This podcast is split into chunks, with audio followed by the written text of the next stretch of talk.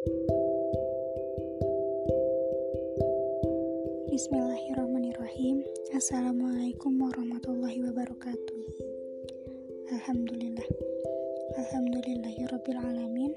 Wassalatu wassalamu ala asrafil anbiya'i wal mursalin Wa ala alihi wassabihi ajmain amma ba'du.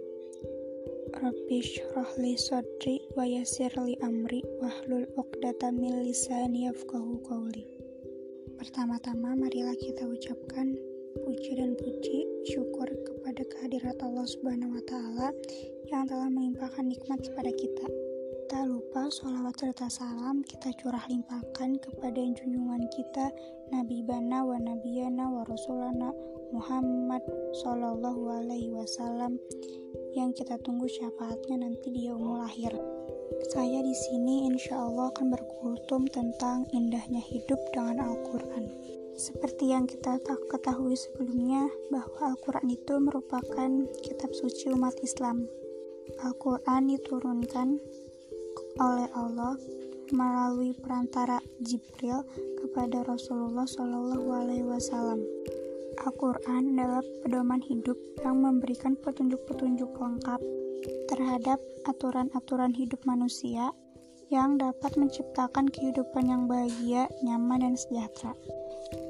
Jika kita mencoba untuk memahami Al-Quran, mengamalkan Al-Quran, dan memperdalami Al-Quran, maka kita sebagai manusia akan dapat mewujudkan tiga cita-cita manusia, yaitu bahagia, mulia, dan sukses dunia akhirat. Kalau kita semakin paham Al-Quran, hidup kita akan lebih mudah. Al-Quran ini adalah kepribadian Rasulullah Shallallahu Alaihi Wasallam yang Rasulullah sendiri diturunkan ke muka bumi ini untuk menyempurnakan akhlak manusia.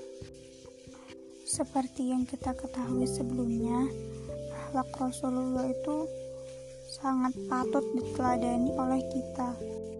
Ada yang mengatakan kalau kita sering baca Quran, maka lisan kita akan terjaga dari perkataan-perkataan yang tidak pantas diucapkan. Ada juga yang mengatakan bahwa saat kita baca Al-Quran, saat kita memperdalami Al-Quran, saat kita menghafalkan isi Al-Quran, saat kita berinteraksi dengan Al-Quran, maka hati kita akan menjadi tenang. Tapi ternyata ketenangan itu tidak selalu hadir dan bahkan mungkin hanya selintas atau bahkan tidak pernah hadir dalam hati kita. Orang yang rajin membaca Quran, yang serius mengamalkannya, yang terus memperdalami isi Al-Quran itu pasti akan tercermin tercermin pada kelakuannya. Mungkin kita punya seorang teman atau saudara atau sepupu atau teman dekat yang dia rajin membaca Quran, sering membaca Quran, namun akhlaknya masih tidak bisa mencerminkan seorang muslim yang baik. Misalnya, dia masih sering marah-marah, dia masih sering berkata kasar, dia masih sering meng menggunakan mulutnya untuk menggibahi orang. Atau mungkin ada di sini yang setiap hari rajin sekali baca Quran, tapi hidupnya tidak bahagia. Apa yang dia baca itu, interaksi dia selama ini dengan Al-Quran, tidak ada hasilnya, tidak ada buahnya kepada dirinya dia sendiri gitu.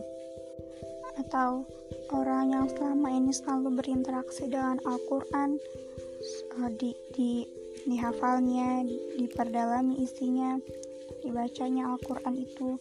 Tapi hati dia tidak bahagia, hati dia tidak tenang, sikapnya tidak mencerminkan seorang muslim yang contohkan oleh Rasulullah.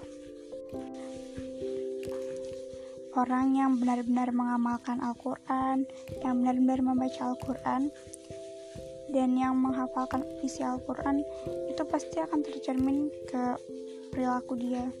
Jadi, jika ada orang yang belajar Al Jadi, jika ada orang yang belajar Al-Quran dan memahami Al-Quran tetapi malah tidak bahagia, maka itu ada yang salah. Walaupun sekecil, walaupun mungkin dari awal memang ada yang salah. Bahkan mungkin diri kita sendiri pun seperti itu. Kita sering membaca Al-Quran, kita wadi-wadus, tapi kita tidak mendapatkan ketenangan, kita tidak mendapatkan kebahagiaan, kita tidak mendapat rasa aman bagi diri kita sendiri. Mungkin rasa aman itu kadang muncul, rasa tenang itu muncul, tapi hanya selintas, atau bahkan rasa aman itu muncul saat kita mengatakan pada diri sendiri bahwa kita ini sudah setiap hari one jus dan merasa aman karena amal kita sudah pasti banyak. Padahal belum tentu Al-Quran yang ia baca itu sama Allah diterima. Nah, ini bisa menjadi salah satu alasan kenapa sikap dia itu tidak seperti apa yang ada di Quran, tidak seperti apa yang dicontohkan oleh Rasulullah, walaupun mungkin hanya satu dua gitu. Orang yang belajar belajar Al-Quran dan memahami Al-Quran tetapi malah tidak bahagia, itu pasti ada yang salah dari awal. Nah, sekarang saya akan membahas satu persatu. Mungkin ada kesalahan yang pernah dilakukan, tetapi kita tidak sadar bahwa kita telah melakukannya. Pertama, jika kita belajar belajar Al-Quran dan memahami Al-Quran, tetapi hati kita tidak bahagia, tidak aman, tidak tenang, maka tanyalah pada diri kita sendiri. Pertama kali kita membaca Al-Quran itu, niat kita itu karena apa? Pandai Wanjus itu karena apa? Karena ingin dikenal orang, karena ingin populer, karena ingin merasa dianggap orang soleh atau seperti apa? Jika salah satunya alasan kalian membaca Al-Quran seperti yang saya sebutkan tadi, maka itu bisa menjadi penghambat kalian, itu bisa menjadi alasan kalian kenapa selama ini kalian berinteraksi dengan Al-Quran, tetapi kalian tidak mendapat ketenangan, tidak mendapat kedamaian, tidak mendapat rasa aman. Hatinya ini selalu gelisah. Membaca Al-Quran ini harus lillahi ta'ala, harus ikhlas hanya untuk mengharap ridho Allah semata bukan malah mengharap popularitas di mata manusia. Kita ini harus melakukan sesuatu karena Allah, karena tidak lain dan tidak bukan kita diciptakan dan diizinkan untuk hidup di dunia ini oleh Allah, maka kita akan kembali juga kepada Allah.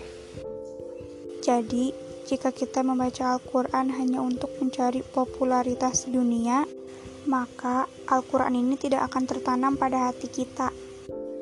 Yang kedua, tidak boleh menghafal Al-Quran jika mencari dua dunia dengan, dengan kolam Allah.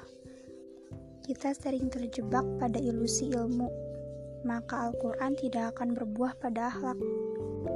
Contohnya seperti ada seseorang yang ia tahu ilmunya, ia mengingatkan kepada orang lain, tetapi ia sendiri tidak mempraktekannya, ia sendiri tidak mengamalkannya ini termasuk ilusi ilmu. Kemudian yang ketiga, kita sering membaca Al-Quran, kemudian tapi itu tidak cukup untuk merasakan indahnya Al-Quran. Kita harus berusaha memahami ayatnya dan amalkanlah walau bisa mengamalkannya hanya satu ayat. Misalnya, kita hanya tahu ayat tentang lah tahzan innallaha ma'ana. Artinya, jangan, jangan bersedih, sesungguhnya Allah bersama kalian. Nah, kalau misalnya kita sedih, kita amalin tuh. Kita tanamin dalam diri kita sendiri kayak kita tuh nggak boleh sedih kan ada Allah. Ini tuh ujian dari Allah biar kita dinaikin derajatnya. Jadi, secara nggak langsung ayat tersebut nyuruh kita untuk nggak sedih dan harus bersabar atas ujian Allah karena kita tuh lagi diuji biar dinaikin derajatnya.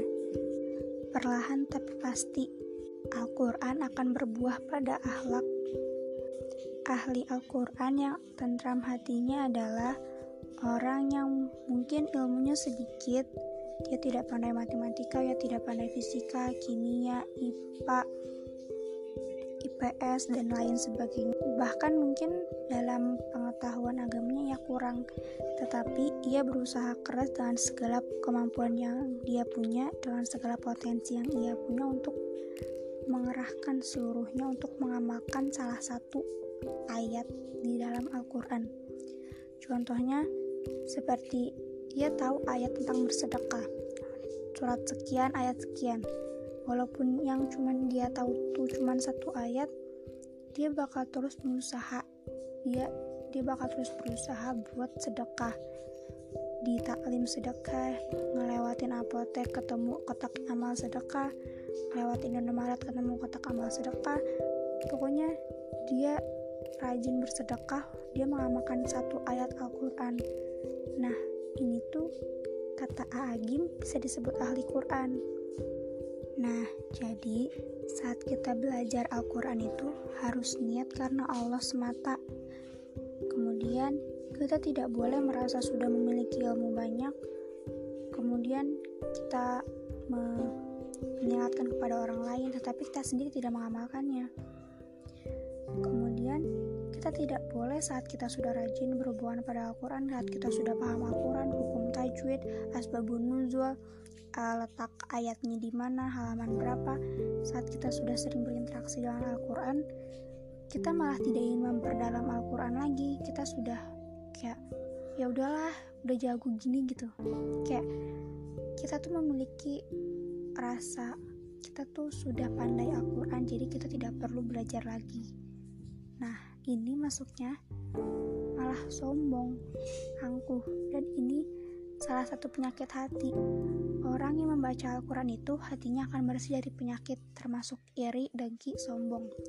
Kalau misalnya kita baca Al-Quran tapi kita masih suka iri sama orang lain masih suka dengki sama orang lain masih suka sombong berjalan di muka bumi ini padahal kita tahu di muka bumi ini semuanya punya Allah.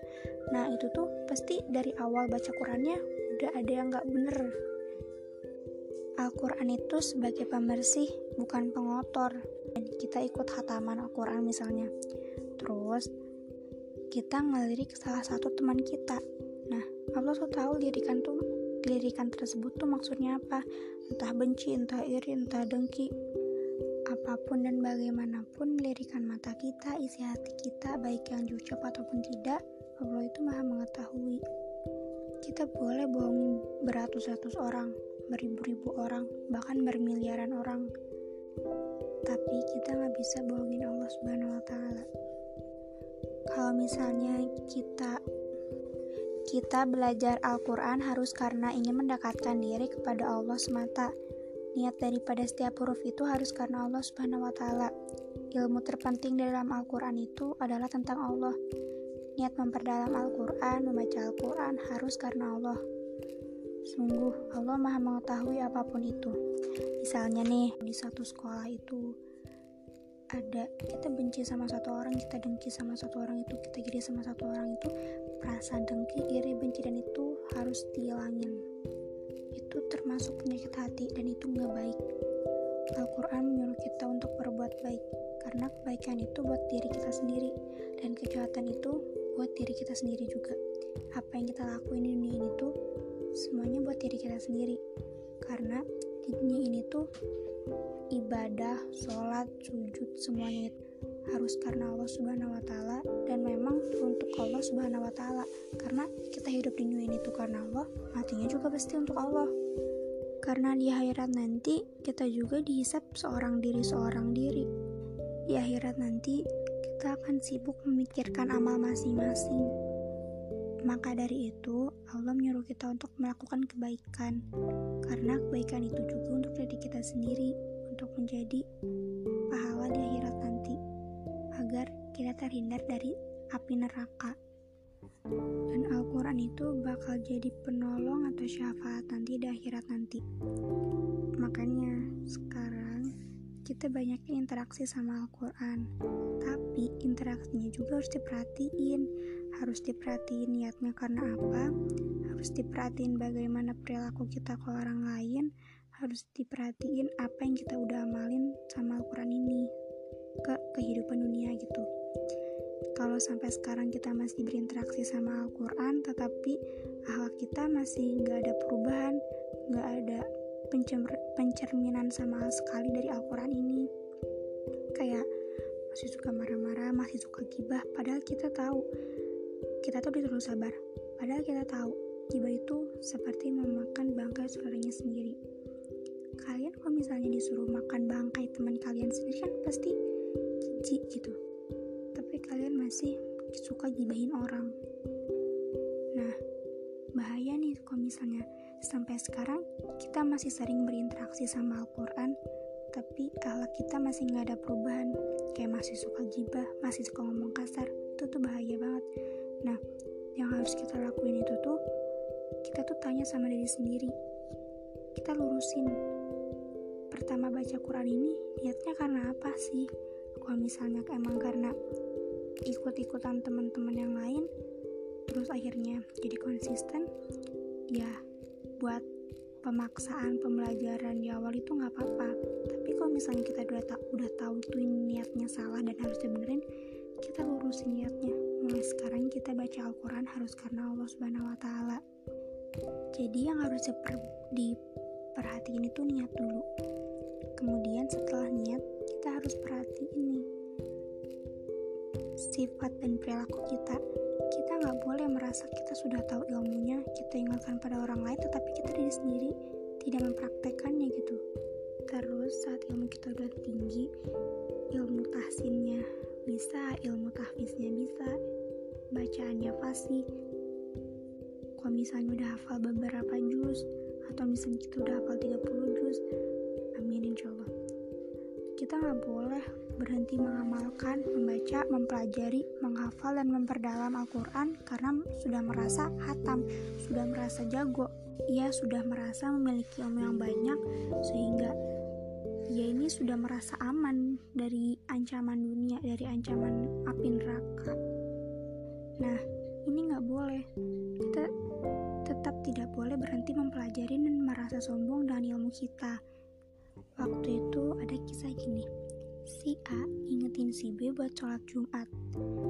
Terus si B-nya ngomong, uh, si B-nya ini nggak mau, kayak ngerasa si A ini sok suci dan lain-lain. Terus si A-nya bilang, Allah kan nyuruh kita bahas sholat Jumat. Terus si B-nya bilang, katanya saya ini udah pernah sholat segala macam pun sholat, sholat tawat, sholat rawatib, sholat qobliyah, sholat tarawih, sholat tahajud, sholat taubat, sholat hajat, dan sholat jumat. Dan dia ngerasa kayak udah hatam, dia udah bisa semuanya. Jadi dia nggak perlu ngerasa ngelakuin itu lagi. Dan ini tuh nggak boleh. Di dunia ini tuh kita memang harus capek. Kita nggak boleh bersantai-santai karena umur kita cuma sebentar. Kita bisa istirahat itu saat pertama kali. Satu langkah nginjekin kaki di surga. Dan saat itu kita udah istirahat. Kita bebas dari yang namanya ibadah dan lain-lain. Dunia ini cuman sementara. Cuman ujian doang.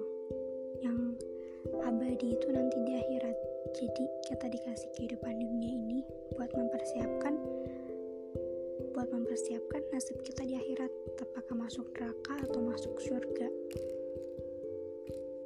jadi di dunia ini tuh kita harus memperbanyak amal ibadah. Salah satunya baca Al-Quran. Tapi baca Al-Quran juga harus niat karena Allah Subhanahu wa taala harus diamalin diamalin isinya. Kemudian kita nggak boleh berhenti buat baca, buat hafalin, buat merojaah, buat mengamalkan dan mempelajari Al-Quran karena Al-Quran bisa menjadi syafaat nanti kita di akhirat. Sekian, mohon maaf apabila ada kesalahan. Wassalamualaikum warahmatullahi